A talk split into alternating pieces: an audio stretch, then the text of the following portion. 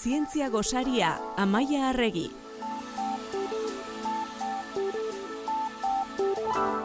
Amaia Arregi Donostia International Physics Centerreko zientzialaria eta komunikazio teknikaria. Ongi etorri Amaia. Egun hona Zer moduz? Oso ondo, oso ondo. Pos berezi izango duzu aste honetan e, Physics Centerren pentsatzen dugu, ez? Bai, horrela da, albiste oso ona jaso dugu astentan. Gogoratuko dugu izan ere 2008ko Euskadi Ikerkuntza Zientzia Saria, Javi Espurua fizikariaren zate izan dela, hain zuzen ere argiak nanoeskalan materiarekin duen e, elkarrekintza aztertzea ze arduratzen da bera aizpuruak zuzendutako ikerketa taldea nanofotonikako fenomeno kuantiko arloan egindako ekarpen bikainengatik nazioarteko erreferente bihurtu izana ala nabarmendu dio em, epaimaiak hori badaki guamaia, baina berari buruz em, zer gehiago esango dugu.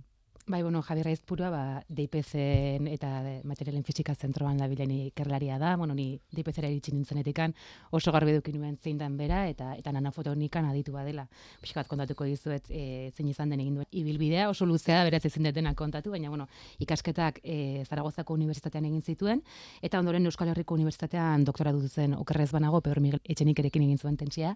E, bueno, tesea maitu ondoren, e, atzerrira egin zuen salto, eta puntako zientzia erakundetan ibili zen, Chalmers University of Technology Suedian eta Gettysburgeko National Institute of Standards of Technology NIST famatuan nazioarteko ibilaldi horren ondoren, Euskal Herrira bueltatzera bakizuen eta e, DIPZ lurreratu zen 2000 eta lauean.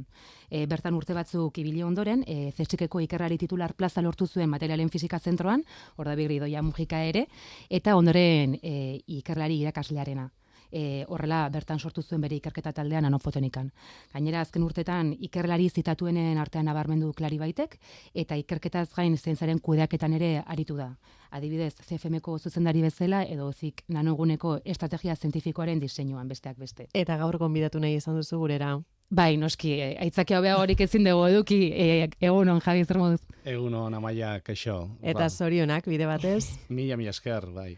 Beti, alako motivazio gehigarri bat emango du, ez? E, aitortza jasotzeak, bai. edo zientzialari batek... Em, beti egon behar du buru belarri. Eta, eta hotza, hotza. Ez, ez, ez, zentzilarioak gea, bueno, jendia pentsatzen du, baino beruago, eh? Eta, bai, oso eh, emozioz beteriko jendia gea. Orduan oso oso pozi jaso dut, eh, bai, saria eta errekonozimendua, eta, bai, lehenbiziko sentimendua, ba, oso oso, oso intenso izan da, poza, eskertua ebai, eta bai, nazte, pixka tsunami bat izan da, egia esan, emozionala. Bueno, horrelako sari bat ematen zutenien, bueno, vanitatea zaparte, eta hori pixkat nola bat haundila sentiazten zaitula, e, ba horretaz aparte badago beste satisfazio, satisfazioko sentimentu bat, ez? Hoi, e, ba gauzak ondo egin izanaren edo bestek ondo egin dezunaren e, ba, aitorpen hoi edo aitorpen publikoi, ez? Eta ordun horrek sentiazten zaitu nolabait ba, errekonozitua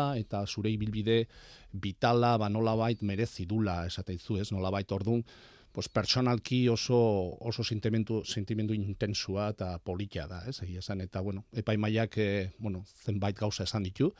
Eh batzuekin igual jendeak ados egongo da edo ez? Bueno, ni pixkat humildade pixka batekin ba nik ikusten baita pixka bat adjetiboak eta gauza ona esate duten gauza ona ba pixka bat humiltasun puntu batekin baita, ez? Eta hola, em, laborategietan ibiltzen eh, eskaren ulertzeko moduan eh, zer da zehazki aitortu dizutena? Ba, nere arlua nanofotonika da, ez? E, hori azteko. Eta nanofotonika zertan datzan, jakitea, bona, ez da, makala, ez da zuzena, ez? E, nanofotonika esan nahi du, nano eta fotonika. Nano materia oso txikia denian, aztertzen degula esan nahi dut, nanoteknologia.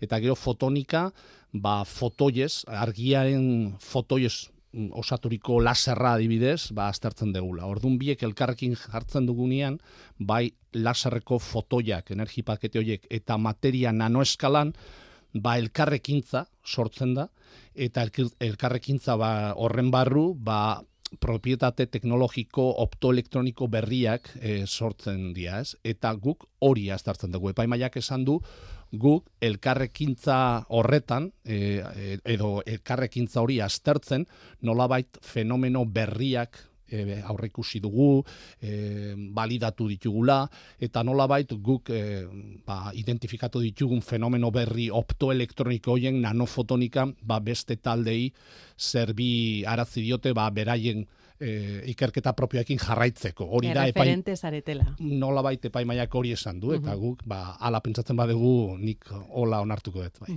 Zure ibilbide zientifikora bueltatuz urte asko daramatzazu ja ikerketan, ikusi dugu zure ibilbide zabala eta eta neri galdetza gustatuko litzake ezin izan den zuretzako ibilbide hontan egin dezun aurkikuntza edo igual artikulu bereziena edo zuretzako ba ezakit maitasun berezi bat e, diozun ikerketa. Bai, ba, zure ibilbide luze horretan jani ja hogeita piko urte dara matzat eh, ikerketan, ez? Eta bai bai daudela, momentu batzuk non eureka hoi pixka bat sortzen dela, ez? Ez beti, baino pare bat aldiz bai, eta guk badaukagu horrelako pare bat ekarpen ba, euroka momentu puntu bat dauzkatela, ez? E, bata da nola bait elektroien nola nanopartikula batetik bestera salto e, egin altzutela pues nolabait tunelesko kuantikaren tunelesko fenomeno bati esker e, identifikatu genula e, baino oso abiadura askar baten. E, argiaren abiadura nolabait. Eta hori pixka teknikoa ematen du hemen irratian baino horrek esan nahi du e, ikusi genula elektroiak inoiz baino askarrago juten nanopartikula batetik bestera fenomeno edo bide berri batetik. Eta hori inork e, ez zuela ikusi edo aurre ikusi leno, guk e, nolabait aurre ikusi genun, eta gero Cambridgeko e, talde experimental batek balidatu ziun, gure aurre, bueno, guk aurre ikusi genuna egia zala, fenomeno fisiko egiazkoa zala, eta hori pixkat momentu ureka izan zen, ez, guretzako. Eta hori esker, ba, e, fenomeno optoelektroniko eta salto optoelektroniko berri batzuk sortzen dira, eta aplikazio teknologikoekin. Orduan, momentu oreka igual hori izan zen hoietako bat, ez? E, pare bat egon dia, baina hori izan zen igual, oain dela urte e, gertatu zana, ez? Eta beste agia molekulo bat argiarekin ikuste lortu zerutenean? Bai, hori da igual beste...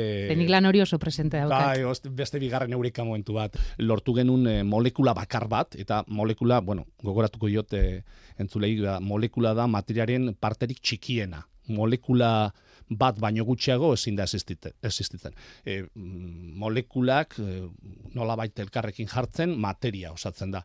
Ba, molekula bat isolatzen da, o isola, isolatu genuen, eta molekula hori argiarekin ikustean ezin eskoa zen. Molekula oso oso txikia zelako, eta nola baita argia oso oso handia delako, termino fisikotan, ez? Eta gu molekula e, nola bait kabitate nanopartikules beteriko par, e, utxune baten jarri genuen, eta horri esker posible izan genuen molekula bakar hori ikusi argiarekin. Leno, elektriak behar ziren hori egiteko. Eta lehenbiziko aldiz, 2008an, ba, molekula bakar bat argiarekin zuzenian, talde txinatar batekin batea e, lortu genuen. Eta hori izan zen, ba, hori molekula bakar bat argiarekin ikustea zuzenean, ba, lorpen izugarri zara. Eta guain arte, lorpen hori nola bait e, aintzat hartzen da komunitatean, nanofotonikaren komunitatean.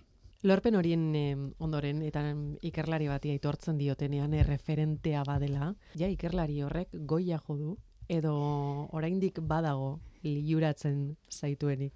Bai, bueno, egia esan e, nire karreran puntu honetan ba, batek pentsal lezake, igual ja hori elmugara eritzen zehala, ez? Baina, ke, ba, zientzia oso zabala da, zientzia hor dago, dana ba, ba ikusteko dago, eta nik beti jarretzen da, hau, sari honekin, ba, nola bait, errekonozimendu da, baino jarraitzeko puntu bat da, baita, netzako ez da, saria edo lortu ditugun emaitzak ez dira elmugak edo bukaerako puntuak, baizik eta jarraitzeko puntuak. Ez ordun e, zientzian eta zientzilarian eh, jarrera eta eta joera beti da gauza berriak eh, aurkitzea, e, investigatzea ikertzea, fenomeno berriak eta hor daude fenomeno, aurkitzear ikertzear eta nik puntu hau ikusten dutez bakarrik elmuga batera, ito bat bezala bai, baino ito bat jarraitzeko bidea. Mm Eta guain badaude lirutzen nauten gauza pilo bat, e, optoelektronikan, fisika kuantikan, e, fenomen kuantikoetan dana egitear da, eta gu horretan jarraituko dugu nik ustet. Mm Ikerketa talde baten zuzendaria zarazu, mm, gazteak nola ikusten dituzu?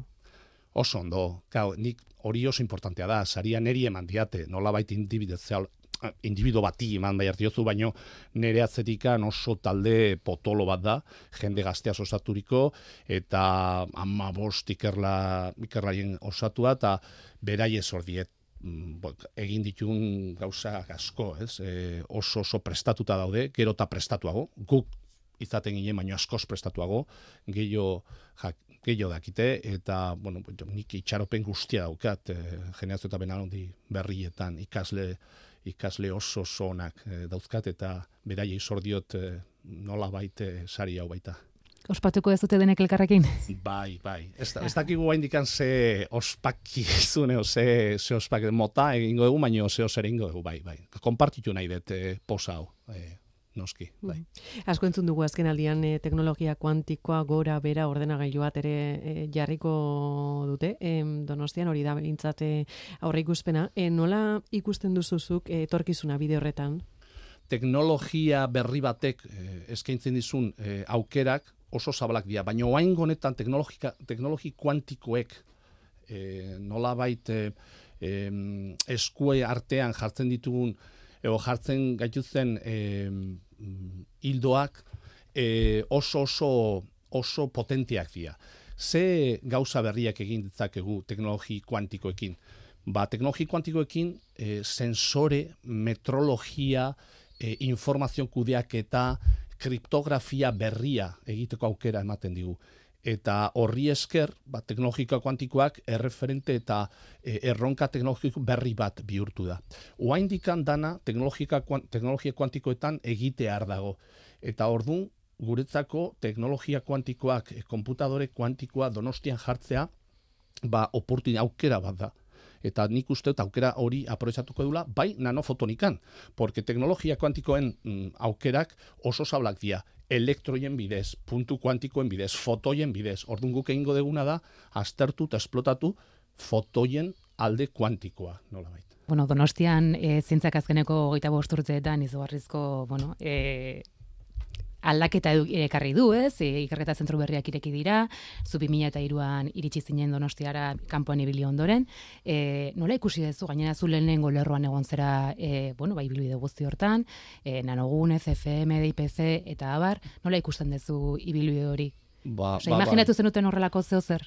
Ez, ez, oso ondo aipatzen zu, ez, e, Donostian eta Euskain gertu den, bueno, e, ikerketaren garapena, ez, e, nik mm, lehenbiziko lerroko tistigoa izan naiz, eta arrazio duzu, guain, guain txortan aipatu ditugu teknologi kuantikoak, azken e, puntan, baino baita gertatu da azken hamarka dauetan hemen eh, nanoteknologiaren irautza, e, eraiki dugu nanogune, DIPC-ko nanoteknologian ibiltzen dien taldeak, e, azken hogei urtetan ibaetan donostian euskadin eman den garapen e, ikerketa igaukionez, garapen zientifiko-teknologikoa izugarri izan da. Ni oso sorte ona izan duen ikerlari bat, naiz, e, ekosistema horretan nik e, nere, gure e, kapazitate eta gaitasun guztia garatzeko kapazak izan geha, eta orduan nik ustet, e, bueno, bai erakundei esker, e, universitatei esker, e, usko jarretzari esker, nik ustet danok batera eta ikerlariei esker, danok batera nik ustet e, eraiki degula oso zientziako eta